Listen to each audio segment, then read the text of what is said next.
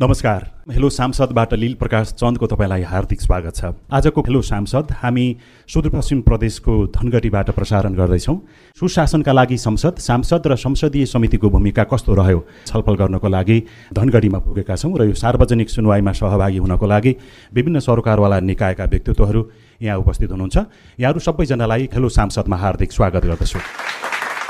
सबैभन्दा सुरुमा सभामुख अर्जुन बहादुर थापाज्यूलाई पाँच वर्ष बित्दै गर्दा प्रदेशका संसदीय समितिहरूको भूमिका कस्तो रह्यो? विचार राखिदिनुको लागि म अनुरोध गर्दछु सभामुख सरकारले दिएका जति बिजनेस छन् त्यसमा मलाई लाग्छ हाम्रो समिति पूर्ण रूपमा सफल छ। सार्वजनिक लेखा समितिका सभापति कुमारी नन्दा बम हुनुहुन्छ। यहाँको अनुभव के छ? सुदूरपश्चिमको बजेट जहाँ जहाँ हाम्रो विनियोजित हुन्छ त्यहाँ त्यहाँ हाम्रो चाहिँ हेर्ने दायित्व भएको हुनाले प्राविधिकको खाँचो हुन्छ प्रशासनिक खाँचो हुन्छ। यो कुराहरू प्रथम चरणमा हामीलाई धेरै कठिनाइ नै भएको हो। काम गर्दै गर्दै जाँदा हामीले केही उदाहरणीय कामहरू सार्वजनिक लेखा समितिले गरेको पनि म यहाँहरूलाई चाहिँ त भन्न चाहन्छु। विधायन तथा प्रदेश मामिला समितिका सभापति नेपालु चौधरी हामीसँग हुनुहुन्छ। मानिज्यूको कार्यकाल सभापतिको रूपमा कस्तो रह्यो? बाह्रवटा विधेयक मध्ये दसवटा विधेयक हामीले पारित गऱ्यौँ। दुईवटा विधेयक हामीसँग अहिले पनि छ। चार वर्षमा टोटल साठीवटा विधेयक पारित गरेका छौँ। हामीले दसवटा निर्माण गरेर पठाइसकेका छौँ। त्यो पारित पनि भइसकेको छ। जुन विधेयक छ जसको सरकार छ उहाँहरूसँग छलफल गरेका छौँ विज्ञहरूलाई राखेर छलफल गरेका छौँ। अर्थ विकास तथा प्राकृतिक स्रोत समितिका सभापति हर्कबहादुर कुँवर हामीसँग हुनुहुन्छ। यहाँको अनुभव कस्तो रह्यो? आजका मितिसम्म एक सय बयालिसवटा समितिका बैठक गरेको छ। सत्रवटा विधेयक छलफल गरेर हामीले सभामा पठाएको छौँ। त्यसमा दुईटा संशोधित छन्। जनताको बिचमा जान सकेको अवस्था रहेन। अघि भर्खर विधान समितिको सभापतिज्यूले त हामी त गयौँ भन्नुभयो। तपाईँहरूलाई जान नमिल्ने कारण चाहिँ सबै हाम्रो सत्रवटामा त हामी जान सकेनौँ किन विज्ञ जसलाई छ त्यसलाई बोलाएर हामीले छलफल गर्ने हाम्रो अगाडि कस्तो विधेयक आउँछ? कुनै विधेयक अर्थ समितिमा आएको खण्डमा हामी जनताको जनस्तरमा हामी जान तयार छौँ। म अब सामाजिक समितिका सभापति कुन्ती जोशीज्यूतर्फ लाग्न चाहन्छु। साढे चार वर्ष कार्यकालको अवधिमा हाम्रो सामाजिक समितिले पारित भएका चाहिँ आठवटा विधेयकहरू छन्। चार वर्षमा आठवटा विधेयकहरू। हाम्रो समितिको तर्फबाट मात्रै। समितिमा आएका विधेयकहरू र त्यसपछि संशोधनसहित हामीले चाहिँ तिनवटा थप एघारवटा हामीले चाहिँ विधेयकहरू चाहिँ हामीले समितिबाट चाहिँ अगाडि बढाएका छौँ। प्रदेशको सरोकारवालाहरूको सम्बन्धित रहेर चाहिँ काम गर्ने सवालहरूमा सम्बन्धित सरोकारवालाहरूसँग पनि हामीले छलफल गऱ्यौँ भने धेरैजसो जिल्लाहरूमा गएर चाहिँ यी विषय विधेयकहरू सम्बन्धित जनताहरूसँग उहाँहरूसँग पनि हामीले छलफल गर्ने कुराहरूलाई चाहिँ जोड दिएका थियौँ। सायद यहाँहरूले भन्नुपर्ने कुरा धेरै छ जस्तो देखिन्छ। सबभन्दा पहिले पछाडि उहाँ उठ्नु भएको छ उहाँलाई दिउँ। मेरो नाम चक्र विज्ञ म नेपाल राष्ट्रिय दलित समाज कल्याण सङ्घ कैलालीको अध्यक्ष। कानुन बनाएर ठेली थन्क्याउनुको लागि हो कि यसलाई अप्नाउनुको लागि यसलाई अध्ययन गरेर यसलाई चाहिँ कार्यान्वयन गर्नको लागि हो? बनाएका कानुनहरू कहाँ छन्? त्यसको वितरण प्रणाली के हो? त्यसको तपाईँको पहुँचको कुरा के हो? यो विषयमा पनि प्रश्न पारिदिनु होला। करुणा नेपाल लैङ्गिक अल्पसङ्ख्यक समुदायको तर्फबाट जति पनि हाम्रो विधेयकहरू अहिले अन्ठाउन्नवटा विधेयक पारित भयो भनेर भन्नु भइसक्यो होइन सुदूरपश्चिम प्रदेशमा। विधेयकमा चाहिँ हाम्रो यौन तथा लैङ्गिक अल्पसङ्ख्यक समुदाय चाहिँ पऱ्यो कि परेन।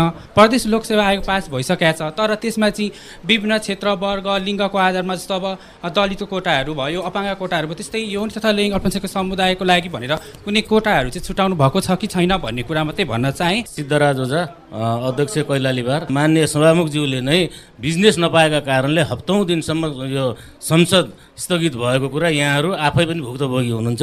दियो सरकारले भन्ने कुरामा अलिकति असन्तुष्टि रह्यो। समुदायमा गयौँ पनि भन्नुभयो यहाँहरूले। हर्क सभाले फेरि भन्नुभयो होइन समुदायमा त हाम्रा संरचना पनि छैन हाम्रो जानु जरुरी पनि छैन। अनि यो अलिक दोहोरो भएन भने। म सुरेन्द्र चन्द पूर्व क्याम्पस चिफ कैलाली बहु क्याम्पस। नेपालमा एउटा फ्रिज कल्चर छ हेर्नुहोस् यहाँ। केन्द्रबाट आउने बजेटलाई कोल्याप्स गर्ने। फ्रिज कल्चरलाई प्लिज यो प्रदेशबाट अन्त गरिदिनुहोस्। मेरो यहाँको विनम्र अनुरोध छ।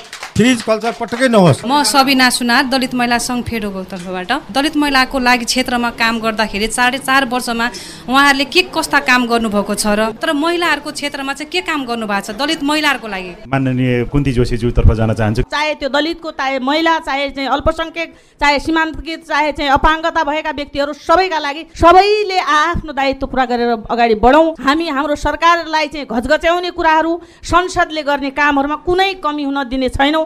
भएका कमजोरीहरूलाई सचिएर अगाडि बढ्ने कुराहरूको प्रतिबद्धता जाहेर गर्न चाहन्छु धन्यवाद। अर्थ समितिको सभापतिजी हुनुहुन्छ। अरू समितिले समुदायमा गएर छलफल गऱ्यौँ राम्रो भयो गजब भयो भन्ने तर अर्थ समितिले चाहिँ यो आवश्यकतै महसुस गरिएन अथवा गरिन भनेर किन चोखो पल्टिन खोज्यो भनेर प्रश्न छ? छोटकरीमा जवाब दिनु होला हामीले सरकारहरूलाई बोलाउने हो। जनता चाहिँ जनता जनता सरकार हो। हामीलाई स्पष्ट विज्ञहरू र सरकारवालालाई हामीले बोलाएका छौँ र आम जनताको तल पब्लिकको बिचमा जस्तै जिल्ला जाँदाखेरि हामीले यस्तो चाहिँ जिल्लामा भेला गरेर त्यस्तरी हामीले लिएको पनि छैन।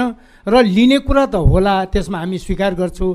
तर टाइमको कारणले हामीले विज्ञहरूलाई मात्रै बोलाएर हामीले त्यो विधेयकको बारेमा वातावरण विधेयकमा हामीले त्यो कुरा गरेका हौँ। वनको बारेमा त हामी जनताको आम जनताको समुदायको बिचमा पुगेका छौँ। सभामुखजी आज जति पनि कुराहरू आए संसदीय समितिमा विशेष गरी लेखा समिति प्रमुख प्रतिपक्षी दलले त्यहाँ दिने र त्यसले सुशासनमा ध्यान दिइन्छ भन्ने अभ्यास छ।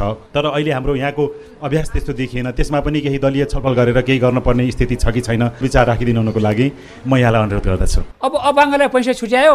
त्यो मेरो संस्थाले पाउने कि कसले पाउने भन्ने सम्बन्ध ठुलो मुद्दा मामिला परेर ओर पर भयो र हामी कहाँ डेलिगेसन आउने काम भयो। प्रतिपक्षलाई नै सभापति दिनुपर्छ भन्ने कहाँ छ र त्यो त?